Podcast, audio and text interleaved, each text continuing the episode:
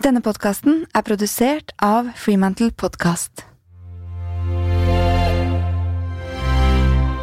Og en viktig ting for meg eh, i forhold til det å ta vare på seg selv, er å at dette er mitt liv også, at det ikke bare skal handle om henne eller barna våre, eh, og at det er veldig viktig at man tar den tiden, passer på å spare og sette av litt av deg selv til deg selv, at det må være noe. Um, så det er veldig viktig.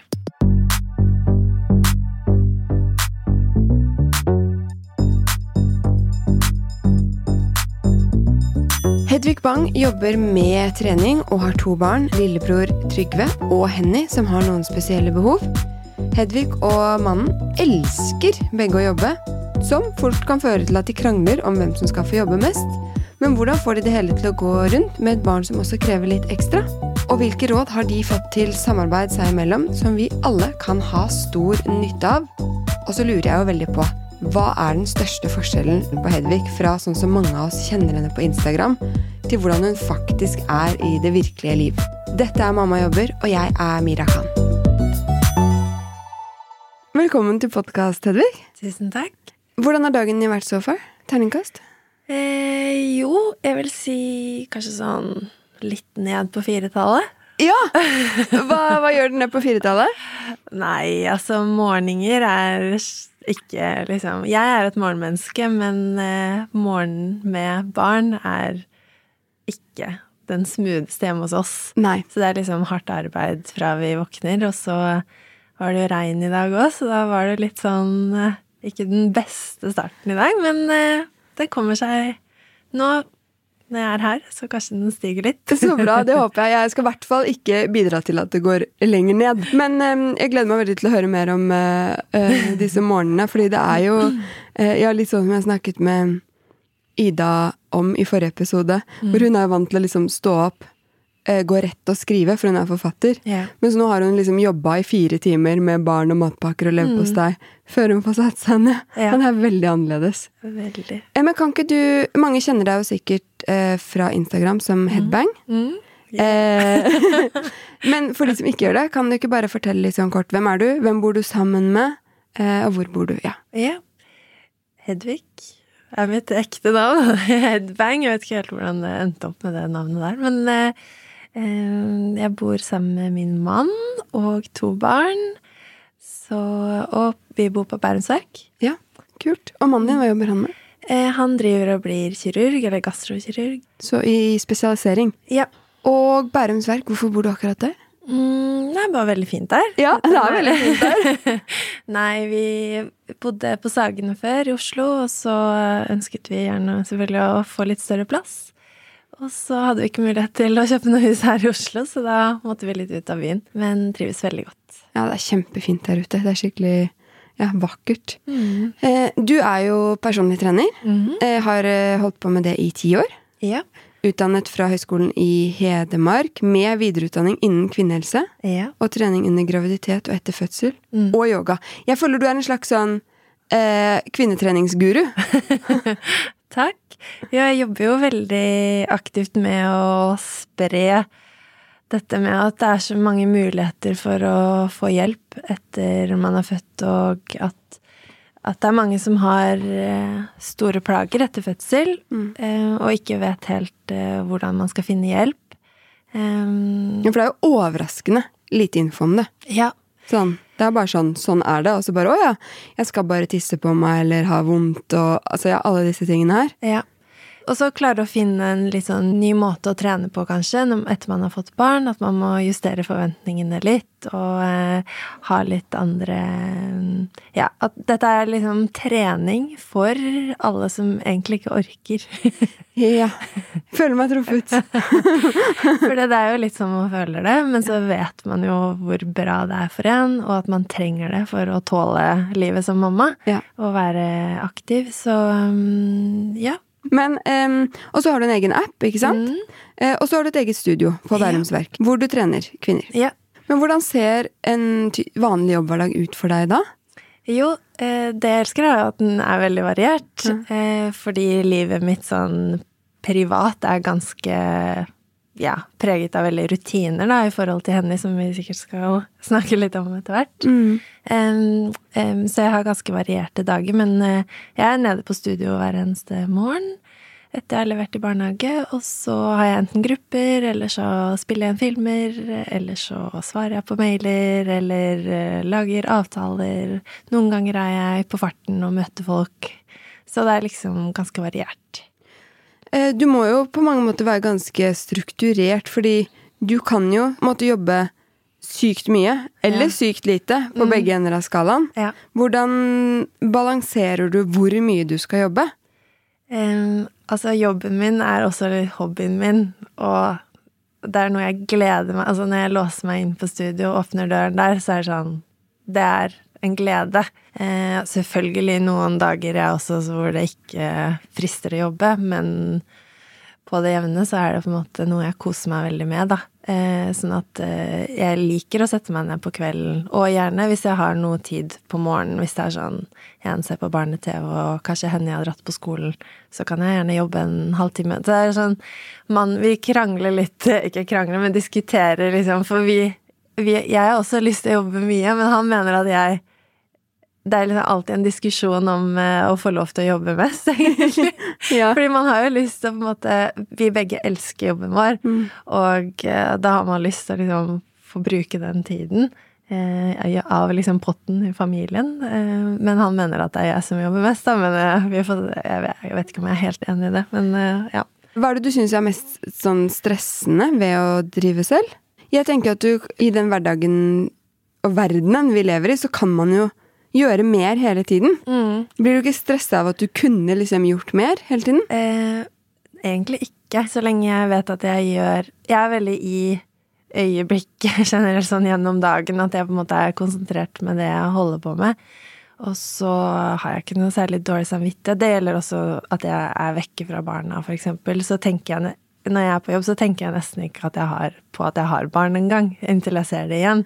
Så jeg er på en måte bare veldig i det, det jeg er, der jeg er. Men jeg kan jo si at selvfølgelig hvis det røyner på hjemme, og det er veldig mye meldinger i innboksen med folk som også trenger min på en måte hjelp og støtte, så kan det jo noen ganger bli litt mye, men for det meste så går det veldig fint. Du har jo to barn, som du var inne på, eh, hvorav den ene har spesielle behov. Henny. Ja. Kan ikke du bare fortelle litt sånn kort om henne? Mm.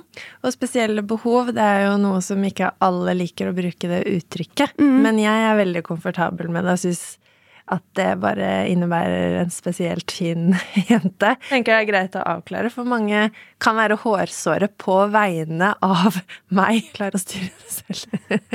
Det er jo fort gjort at mange tenker litt sånn. Ja. Men nå falt jeg litt ut av spørsmålet. Ja, Fortell om Henny. Ja, Henny er jo syv, og akkurat, eller ikke akkurat, nå har hun jo gått et år på skolen. Så hun er jo født med et syndrom som var sånn helt uventet. Og jeg går ikke inn på liksom akkurat hva det er, det er ikke så interessant for noen. Men eh, det innebærer i hvert fall at hun har eh, store forsinkelser. eh, Og epilepsi, da, som er den, det som utfordrer mest i hverdagen. Så hun er på en måte en stor Hun er jo en stor jente på syv år, men hun har også alle behovene som en under ett år har. Og så kommuniserer hun på mange måter Altså, hun kommuniserer jo ikke med ord, hun kommuniserer med kroppsspråk. Um, så uh, ja. Det er ikke alltid så lett å sette seg inn i Selvfølgelig, man kan jo skjønne mye logisk sett. Men kan du ikke prøve å sette oss litt inn i hvordan er din hverdag annerledes? Ja, og det syns jeg er bare fint å prate om. Jeg er veldig opptatt av at eh, vi kan At jeg kan dele mye av det, men at jeg ikke vil at noen skal synes synd på meg. At det er eh, Det handler bare om at ja, andre får mer forståelse for hva som Hva det innebærer, da. Og hvordan livet med et, en jente som henne kan se ut.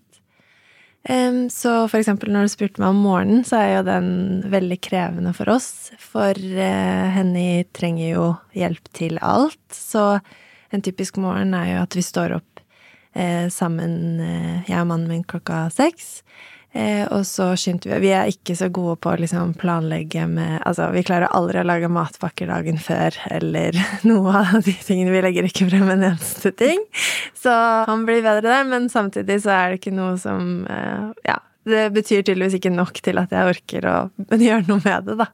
Men eh, ja, en morgen er typisk da at vi ordner i stand alle medisiner og gjør liksom klart, eh, og så vekke henne, og da er jo det en liten prosess. Hun har jo epilepsi, så man må liksom gjøre det litt sånn rolig, sånn at det For det kan ofte bli anfall på morgenen, og da på en måte forskyver jo det hele eh, opplegget. hele flyten i dagen. Og mannen min må være på morgenmøte halv åtte, så det er liksom Det er eh, tett, tight schedule. Men vi får henne opp, og så da er det for som regel mannen min som tar liksom eh, skift og stell av. Hun har en sånn eh, knapp på magen som heter en pegg, hvor hun får drikke gjennom. Eh, så den må stelles. Og så er vi jo veldig opptatt av at hun skal være så selvstendig som mulig, men vi må jo hjelpe henne med alt for å være selvstendig. Mm. Så for eksempel, det er veldig mye lettere å bare løfte henne ut av senga og ta henne opp på stellebordet. Men vi må liksom bruke tid på at hun skal reise seg opp og gå med de eh, litt sånn ustø skrittene bort og på en måte gjøre ting og hjelpe til selv, og da tar det veldig lang tid.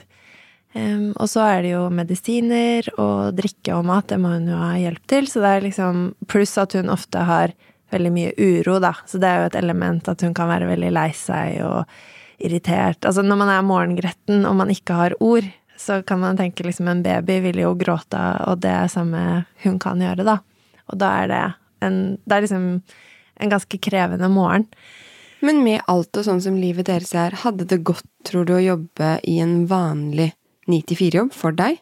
Ja, altså jeg jobbet jo altså Som personlig trener så har man allerede en ganske fleksibel jobb, fordi man bestemmer jo selv når man skal trene kunder, men kundene vil jo gjerne trene på morgenen og på ettermiddagen. Så egentlig derfor også litt at jeg begynte å peile meg inn på eh, de permisjon, eh, fordi jeg så at da kunne jeg i hvert fall jobbe på dagtid. Mm. Så jeg har alltid prøvd å ta sånne smarte valg i forhold til det, da. Eh, men, eh, men, drømmen min har jo alltid vært å starte noe eget, og jeg elsker å liksom kunne bestemme alt selv nå.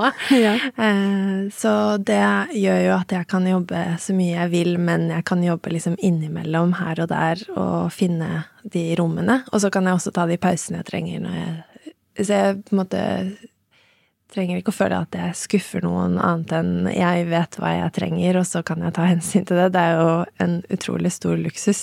Så jeg tror hvis jeg hadde hatt en jobb hvor jeg måtte måtte være der fra ni til fire, og at det ikke var noe fleksibilitet fra sjefen min, så hadde jo det veldig gått på bekostning av, jeg tror, helsa mi.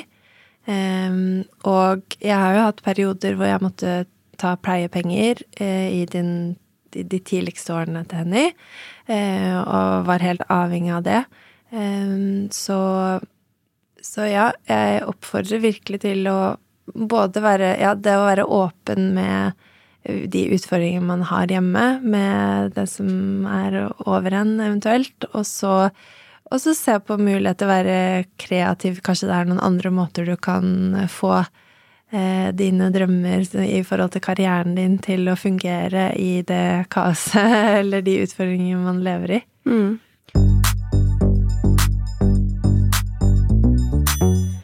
En særs viktig ting som jeg likevel syns er snorkete å bruke tid på, det er forsikring. Men det er jo viktig både for hus, bil, hund og barn. For med en god barneforsikring så sikrer du barnets fremtid dersom det skulle oppstå alvorlig sykdom eller ulykke. Og syns du det er like kjedelig som meg å bruke tid på, så skal jeg gjøre det enkelt for deg, for har du barneforsikring fra min annonsør If, kan du være trygg på at du får den beste hjelpen. Vi er jo så heldige at vi bor i Norge, og det betyr jo at vi har gode offentlige støtteordninger for barn, og da er det viktig å påpeke at eh, barneforsikring fra If er på ingen måte et alternativ til den offentlige hjelpen. Barneforsikring fra If skal derimot gi familien det ekstra de trenger for å få hverdagen til å gå rundt i vanskelige perioder hvis barna blir syke eller skadet. Men kanskje det aller viktigste er at forsikringen gir barna den hjelpen de trenger til å leve gode liv som voksne hvis de får en varig sykdom eller skade som barn. If sin barneforsikring er faktisk kåret til Best i test av Norsk familieøkonomi for markedets beste erstatning. Så dere, ingen vits i å bruke masse tid på dette, bare gå inn på If, så finner dere barneforsikring. Men jeg vil jo tro at mange tenker sånn eh, at man trenger trygghet. Mm. Hvis du skal være bekymret for økonomien i tillegg til ting som bekymrer deg med henne, så hadde jo det vært veldig krevende. Ja. Så hvordan har du på en måte fått rigga det sånn at du kan jobbe for deg selv, og at det går rundt såpass stabilt at det ikke blir en sånn bekymring? Eh, har aldri tenkt på at det skulle bli Altså, det har aldri vært noe alternativ at jeg har tenkt at det ikke skal gå, faktisk. Sånn at jeg bare selvfølgelig passet på at vi har spart opp sånn at vi kunne prøve at Altså, det Men da jeg åpnet studio, så var det liksom fullt fra start, og Mm. de gangene jeg har vært i barselperm og eh, begynt igjen som trener, så har jeg hatt fullboka, så det har på en måte vært Jeg har vært veldig heldig sånn sett, da. At jeg ikke har trengt å tenke på det. Det. Men den eh, bekymringen ser jeg jo selvfølgelig absolutt, Mm. eh, så der har jeg vært heldig. Ja. Ja. Hadde du måte andre drømmer og forventninger til livet som du har måttet endre på? Tror jeg bare måtte At alt måtte ta litt lengre tid. Og at eh, måte kommunikasjonen mellom meg og mannen min alltid har vært at vi er et team, og at vi har klart å på en måte Nå gjør du det, og så skal jeg gjøre det. Altså at vi hele tiden på en måte har følt at Jeg har hele tiden følt at vi er sammen om hva vi skal få til som familie, da. Em, så nei, jeg føler ikke at jeg har måttet justere noe på det, annet enn at jeg har vært frustrert selvfølgelig i perioder hvor det har vært jeg som har måttet ta mye, uh, og at jeg da føler at hvis jeg bare får sjansen til å få lov til å jobbe litt, så vet jeg at jeg kan få til masse. Og det var jo egentlig litt det som skjedde nå for et år siden, at jeg at vi så at det var en åpning for at han kunne ta det litt eh, roligere et halvt år før han skulle begynne der han er nå. Og så var det sånn, ok, da kan jeg ta, hvis det er noe sykdom, eh, sykehusbesøk, bla, bla, alt det tar jeg nå, og så bare prøver du nå å åpne studio og bare kjøre på, og da var det sånn, det var jo helt fantastisk å kunne få bevise for seg selv at hvis jeg, når jeg bare får muligheten, så har man opparbeida seg, for det tror jeg alle med barn som Henny for eksempel, opparbeider seg en sånn kapasitet som man egentlig ikke ønsker å få på et vis, fordi du blir jo pusha til Man sier at 'å, du er så sterk eller tøff' og sånn, men du har jo egentlig ikke lyst. Altså, man gjør jo bare det man må. Men når det da er litt roligere, eller man har mulighet til å fokusere litt mer på seg selv, så har man plutselig Føler man seg helt sånn uovervinnelig, da. Eller at det er ingenting som kan eh, røre en. Så ja. Så det tror jeg er bare noe sånn Du får en kapasitet når, det, når du har mulighet. Men har dere måte Fordi dere virker jo veldig sånn samstemte og at det flyter veldig, veldig godt, selv om det er en krevende hverdag. Har dere fått noe hjelp til å kommunisere så bra, eller hvordan har dere gjort Um, det? Ja, altså Det er et utrolig fint tilbud. Jeg håper jo at det fortsatt fins, men da Henny ble født, så fikk vi jo vite med en gang at eh, det var noe galt. Og da var, ble vi tatt inn med en gang i sånn samtaler med en, eh, en Jeg vet ikke akkurat hva slags utdannelse hun hadde, men hun var liksom helt rå på å snakke med foreldre som sto i en krise, da.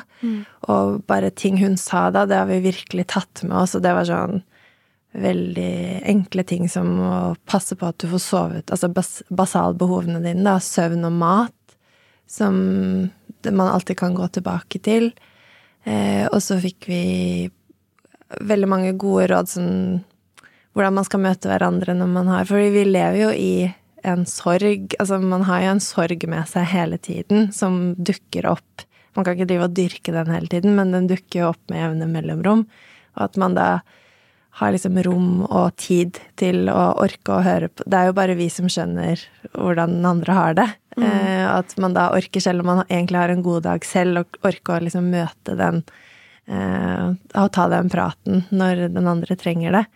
Eh, det fikk vi også gode råd om, så ja, jeg føler jo at vi fikk mange gode tips der, og så har vi prøvd å ta det med oss eh, videre, da. Og så tillate seg å være lei seg også for det. Um, men det er jo gjerne sånne merkedager altså, Henny er på en måte bare Henny for meg, eh, og jeg syns alltid at hun er den fineste, beste jenta.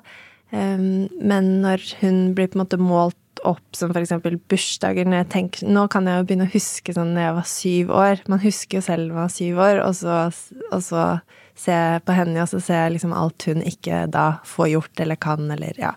Så blir man jo veldig trist av det. Eller skolestart. Um, så tenker helt greit Og så skam, skammer man seg jo Eller jeg har opplevd å kjenne på skam da, eksempel at jeg alltid blir lei meg på bursdager. Det er jo veldig stusslig, tenker jeg. Sånn, du skal jo være glad.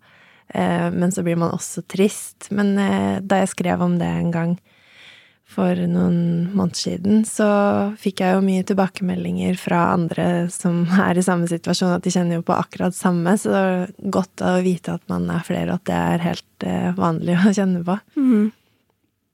Du sa jo at du eh, ikke kjenner så mye på dårlig samvittighet. Mm. Er det sånn gjengs, liksom? Er det ingenting du får dårlig samvittighet for? Um, Og er du født sånn, eller blitt sånn? Jeg blir like overrasket eh, Ja. hver gang. Jeg, for jeg, jeg har mye dårlig samvittighet. Ja. Jeg er en sånn type. jeg skjønner Nei, jeg, altså, jeg kan faktisk Jeg har faktisk ikke så mye dårlig samvittighet. Jeg, jeg føler Jeg har kanskje veldig god selvtillit, da, liksom som mamma, eller at jeg tenker at eh, barna mine har det veldig bra, at det går helt fint. Jeg kjenner meg veldig igjen i de em, de gjestene du har her som eh, sier at de aldri har på en måte helt ting klart i forhold til eh, eh, karneval. Altså, Trygve har vært dinosaur alle karneval det siste. Han, siden han ikke spør, så har ikke jeg tenkt å begynne å tilby noen nye kostymer. Eh, så sånne ting kjenner jeg veldig lite på, og i forhold til hvordan de går kledd i barnehagen og skolen.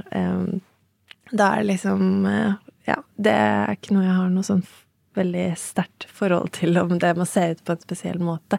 Så lenge de har fått eh, bra mat og eh, mange klemmer og liksom at jeg er til stede, da. Men sånn, du elsker jo å jobbe, så jeg kan jo se for meg at du gjerne kan sette deg ned og liksom Å, nå har jeg en pause, eller Og så velger du å Mm. jobbe. Du kunne også på en måte spilt stigespill, eller Ja, sånn, ja. Nei, der tror jeg faktisk at jeg er ganske god på å styre tiden. Jeg vet at hvis jeg setter meg og jobber mens Trygve vil ha min oppmerksomhet, så blir ikke den hyggelig for noen av oss. Og eh, med Henny så er det 100% fokus. Jeg, ikke, jeg kan ikke sitte og jobbe når hun er der. Nei. Så morgenen og mellom fem og halv åtte, så, så er det liksom Da er det fullt fokus på barna, og da er det veldig eh, lite vanskelig å sette seg ned og jobbe. Så jeg tror det er litt nøkkelen at man liksom ikke Det er ikke noe vits å lure seg selv og prøve å ha fokuset to steder. Da får man dårlig samvittighet. Og noen ganger må man jo det. Noen ganger må man bare sånn Ok, nå må jeg bare tåle at uh, jeg ikke er den beste mammaen akkurat nå, men jeg vet at uh, det går bra, det òg. Det går bra å vise at, uh, at man jobber. Um, men sånn som med Henny, så er det liksom Ja, der får jeg ikke hatt fokus to steder uansett. Så det er ikke noe alternativ. Men sånn på, på Instagram så ser jo du veldig sånn eh, zen og blid ut alltid. og så har vi jo lært at Instagram er jo ikke det ekte livet. Nei. Eh, det er jo på en måte en Ja, side ja. man velger å vise. Mm. Men hva vil du si er mest annerledes eh, i det virkelige livet yeah. versus på Insta i livet okay. ditt? Um, altså, jeg tror ikke folk vet hvor mye temperament jeg har. jeg er sånn som kan kaste ting. Så ja, det tror jeg ikke kommer så veldig frem. Det er ikke noe sånn jeg har noe interesse av å vise noe særlig heller. Um, så det er kanskje det som overrasker Jeg tror også sånn i jobbsammenheng at folk kan bli overrasket av at jeg kan være ganske streng og bestemt og eh, at jeg blir, men streng. Altså, de kundene som trener med meg, de sier alltid sånn at de tror at det skal bli så koselig, og så blir det Men eh, jeg er jo gammel eh, danser, så jeg er vant til at det skal være litt eh, Rake pucker. Ja. Men eh, hva kaster du da? Type ting? Har du lært deg å kaste myke ting, eller? eh? ja, det er sånn eh, Et bra eksempel er eh, fordi det er jo ikke til å stikke under en stol at det er krevende til tider hjemme hos oss også. Og når da mannen min kommer hjem fra nattevakt, og det kanskje har vært en sånn våkennatt hvor Ja. Enten noen ganger så har det hendt at jeg får lov til å gå og legge meg. Ja, så han kommer fra nattevakt, Ja. og så legger du deg? Ja. Eh, det har hendt. Eh, Det er sånn typisk når jeg ammet og Henny var våken på natta, det er bare sånn Det går absolutt egentlig ikke. Eh, Men sånn i forhold til å kaste ting, så er det sånn Det er utrolig irriterende å ha en person sovende hjemme i senga si på dagen når du også har to barn hjemme som lager kaos. Det er, sånn, det er så provoserende, selv om du vet inni deg at ja, han trenger å sove, han har jobba ræva av seg hele natta. Men da har jeg vært noen ganger inne der. Det har skjedd sånn to ganger, da. Svakt øyeblikk at jeg liksom kasta ut til banen Det var sånn stakkars mann. Men han trenger jo å sove. Uff a meg. Men det er sånn man vet, når man klarer å snakke om det etterpå sånn, man vet at begge pusher seg selv så langt at det Man vil egentlig være grei mot hverandre, men man har ikke det Man har liksom ingen å ta det ut på, da, så da blir det å ta det litt ut på hverandre.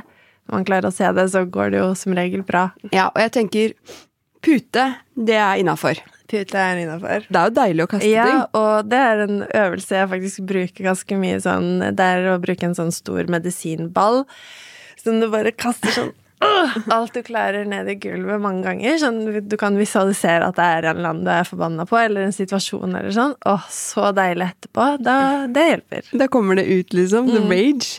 Har du medisinball hjemme som Ja, du kan ja. gå og kaste? Selvfølgelig. Ja.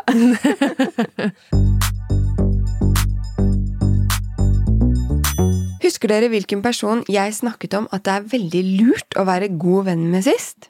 Yes, riktig. Regnskapsføreren din og med annonsøren min TrippelTex er det lett som en plett, for TrippelTex gjør det strålende enkelt.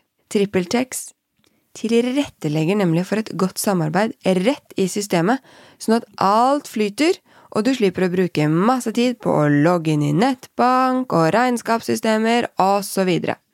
Du får rett og slett alt du trenger i ett system.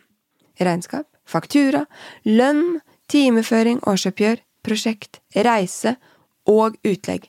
Hvis du vil, da, for det er selvfølgelig fleksibelt, så du kan tilpasse det etter ditt behov. Og for å ikke glemme den fantastiske kundeservicen deres. Det er jo ingen vits i å gjøre regnskap vanskeligere enn det trenger å være, tenker jeg. Så finn ut hvilke muligheter du har på trippeltex.no slash gratis, og test TrippelTex i 14 dager uten at det koster noe som helst. Ok, men andre ting sånn Hva krangler dere mest om? Altså, det er eh, ikke noe unormalt at vi krangler hjemme hos oss. Men eh, vi er også veldig gode på eh, Ofte hvis man starter Hvis man kommer hjem fra jobb, begge er slitne, så Én en bra ting å starte med er i hvert fall å hilse ordentlig på hverandre, som vi prøver å gjøre begge to. Som man selvfølgelig ikke alltid klarer. Men hvis man kommer på et dårlig spor, da, og så merker du sånn Du merker at det her bare Det kommer til å ikke gå bra. Så er vi begge ganske flinke til å si sånn Skal vi bare ta det på nytt? Og det er sånn tips Ja. vi har fått eh, et, Jeg har lest et eller annet sted, eller jeg husker ikke helt hvor jeg har fått det, men at man tar sånn retake, da. Ok, vi starter på nytt, for det her Ja. Men klarer du, fordi eh, hvis vi har kommet der hjemme, da, kjenner, da har jo jeg mange bobler og energier i kroppen min. Da koster det meg litt å ja. liksom Man klarer det ikke alltid, men hvis vi klarer å gjøre det én av fire, da, så har jeg i hvert fall spart noen krangler. Og så og så tenker jeg det er fint, helt greit å diskutere litt foran barna og sånn. Og så prøver jeg også å liksom betrygge, spesielt Trygve hvis han Jeg husker følelsen selv når foreldrene mine kranglet. De er godt gift, men de har alltid vært på en måte diskutert mye og sånn foran meg, eller oss barna. Eh, at, jeg, at de føler seg trygge selv om vi diskuterer. Og det er sånn Jeg er veldig sint på pappaen din akkurat nå, men jeg elsker han veldig mye allikevel. Sånn. Du skal ikke skylde oss, alt er bra. Jeg bare syns han er utrolig irriterende. Jeg tror alle kjenner seg igjen i det, og hvis ikke, så er det noe rart. Men Ja. eh, akkurat hva vi krangler om, det vet jeg ikke. Jeg tror det bare er sånn når man er pusha dit at man er så sliten at man egentlig ikke har noe å gi, så blir man jo bare sint og irritert for sånne helt teite ting som ikke betyr noen ting. Ja ja, det tror jeg absolutt alle kan kjenne seg igjen i. Men du, hva med tunge dager? De kommer jo også. Hva, hvordan, eller hva gjør du på tunge dager? Ja, det er jo ganske ofte at det er sånne tunge dager. Og eh, vi har jo en ting som er veldig viktig, er jo det å mm, ta imot hjelp. Vi har jo avlastning, så vi har eh, Det var jo veldig sånn um, stor terskel å akseptere at det var noe vi trengte. Eh, så, men det er bare et sånn ting som hjelper på de tunge dagene, at man har de pausene, og da prøver vi jo selvfølgelig å finne på hyggelige ting, ting som ikke er så lett å gjøre når Henny er der. Eh, men ellers så er det både å bare sånn akseptere at det er en dårlig dag, eh, og så ikke alltid trenge å gå inn i det og dyrke den dårlige dagen. At man kan legge det litt vekk, og der er jo jobb for meg i hvert fall et fristed sånn sett, da, at jeg ikke trenger å ha på en måte de eh, frustrasjonene eller tankene. Mm. Og så noen ganger selvfølgelig greit å gå inn i det vonde, men man må måtte se litt Det koster jo veldig mye energi å være eh, Å gå inn i alt det som er tungt og trist. Så jeg tror ikke det er alltid at man, det er veien å gå heller.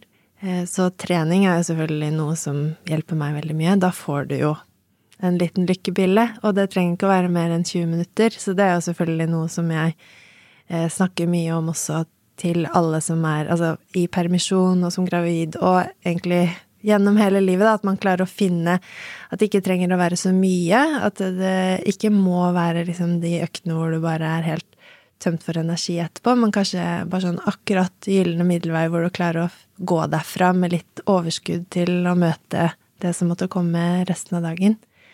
Og så, hvis jeg skal ta to siste tips, så er det at jeg er veldig god på powernaps. Så jeg er veldig god til å hente meg inn med å sove litt, eh, både her og der. Hvor lenge sover du da? Eh, jeg setter klokka på 30 minutter, Ja. for da blir jeg ikke sånn helt kvesta når jeg våkner. Um, og eh, lage god mat og drikke vin. Ja. Kose deg, liksom. Ja. Og liksom, ja Ha litt omsorg for seg selv på den måten, og lage og sitte ned og kanskje da ha fokus på å snakke om noe annet enn eh, det som er kjipt. Eller gråte litt eh, og eh, snakke om det. Så det kan være begge veier. Det er skikkelig balansetrening, liksom. Mm. Ja, man må liksom jobbe med Eller ta de valgene veldig ofte, da. Som for eksempel i dag tidlig. Det er jo Altså, hvis jeg går inn i det at Henny sitter der og eh, får anfall og er helt fjern, liksom, når hun skal få mat, og at jeg gir henne eh, drikke i magen Altså, det er jo tusen ting der som er drittrist, men jeg kan ikke tenke på det hver eneste dag. Da hadde jeg ikke klart å få til noen ting. Nei, Så må flytte fokus.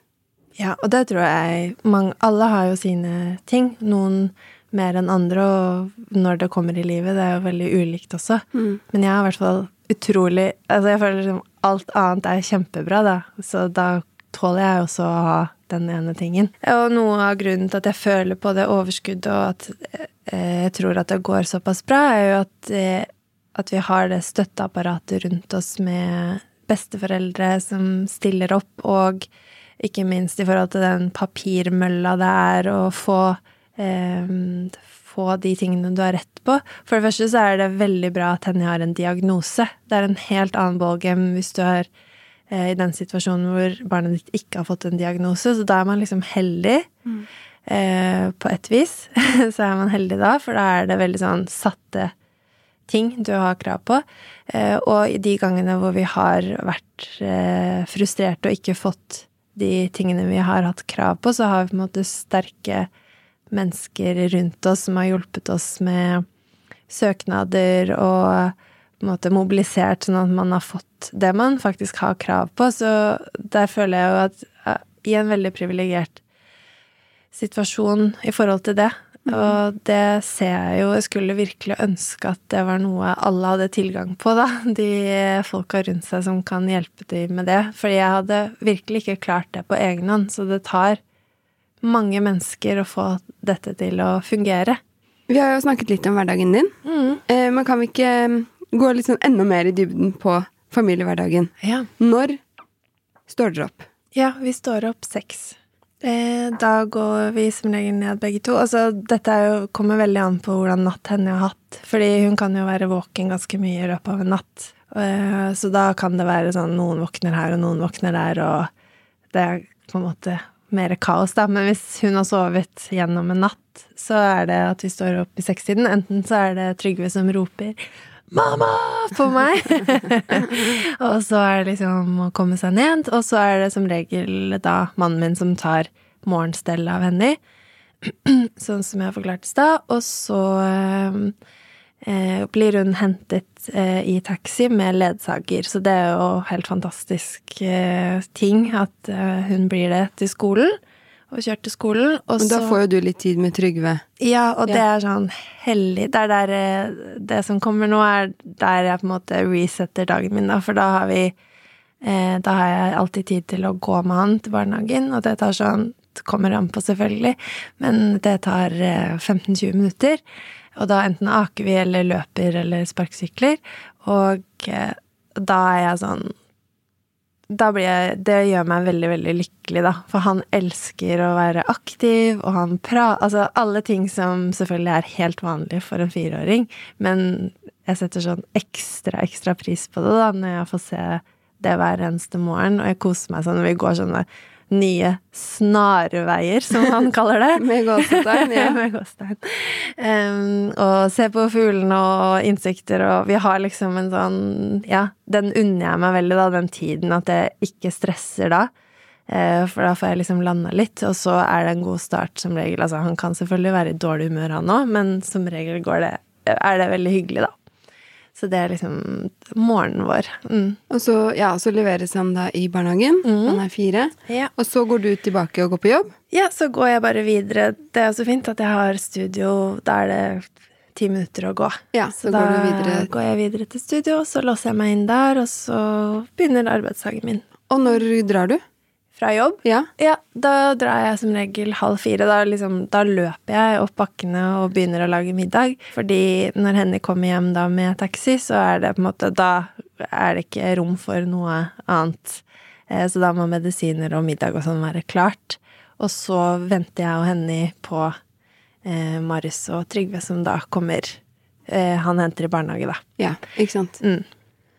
Så, Ja, fordi du kan ikke på en måte komme for sent eller ikke lage middag eller finne fram de medisinene. Du må gjøre de tingene.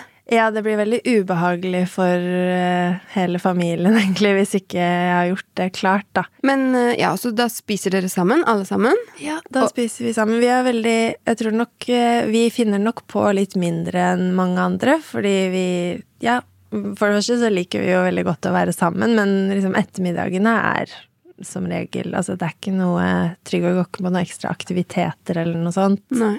Ehm, så da er det på en måte familietid.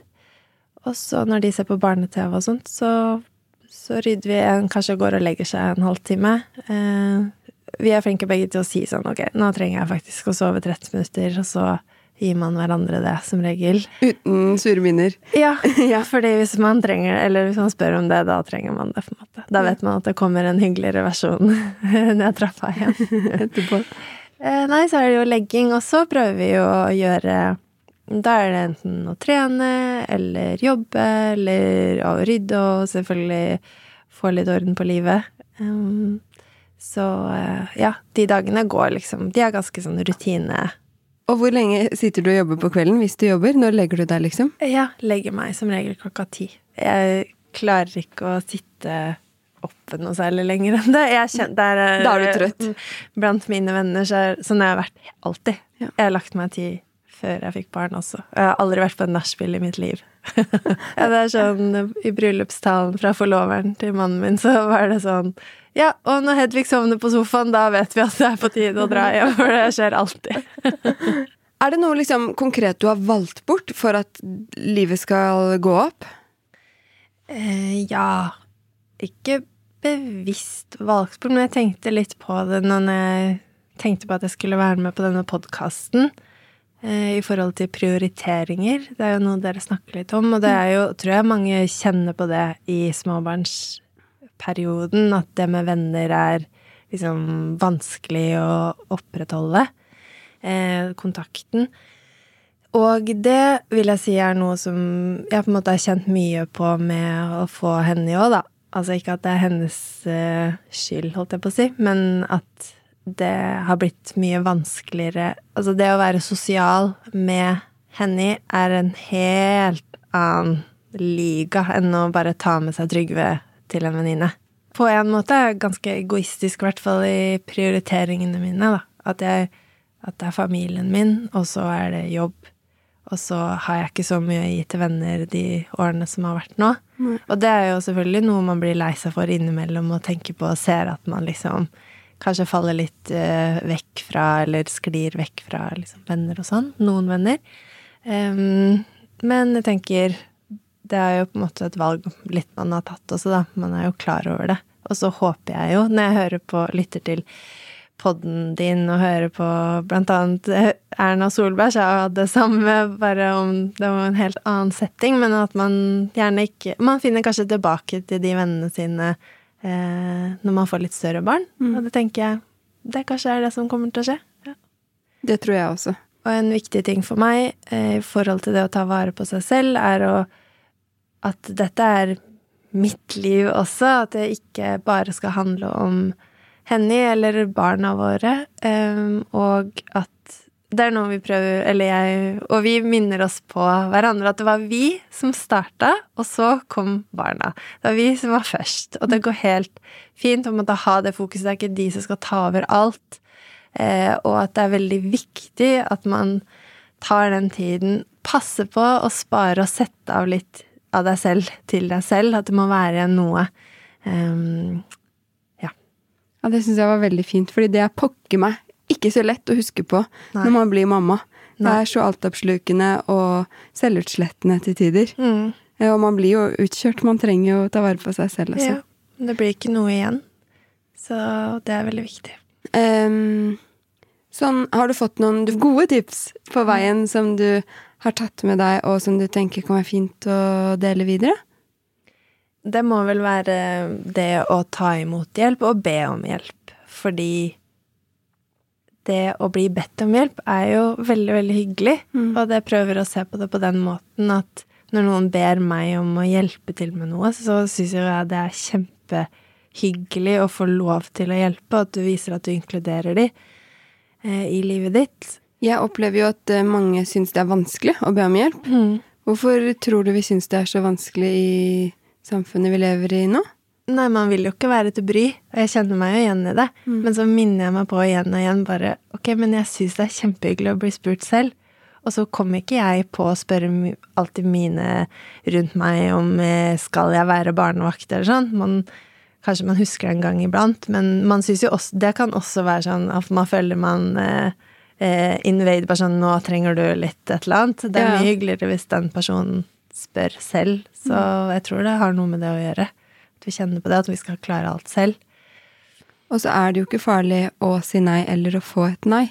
Nei, nei. Det er jo helt greit. mm. Ja, dette har jeg slått et slag for før, men Mm. jeg gjør det igjen. Ja. Be om hjelp. Det er skikkelig hyggelig. Ja.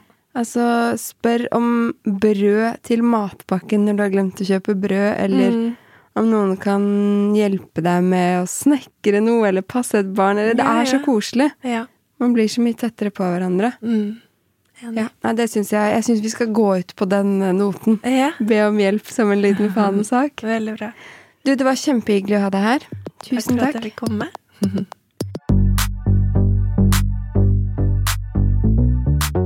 Tusen takk for at du har hørt på Mamma jobber. Husk at du alltid kan sende meg tips til inspirerende mammaer eller mammaer du er nysgjerrig på rundt deg, på DM at mammajobber på Instagram. Hvis du likte episoden og liker podkasten, så blir jeg kjempeglad hvis du rater den, for det har masse å si for podkasten, og ikke minst at du tipser en venn eller en venninne om å lytte til Mamma jobber. Vi høres neste uke.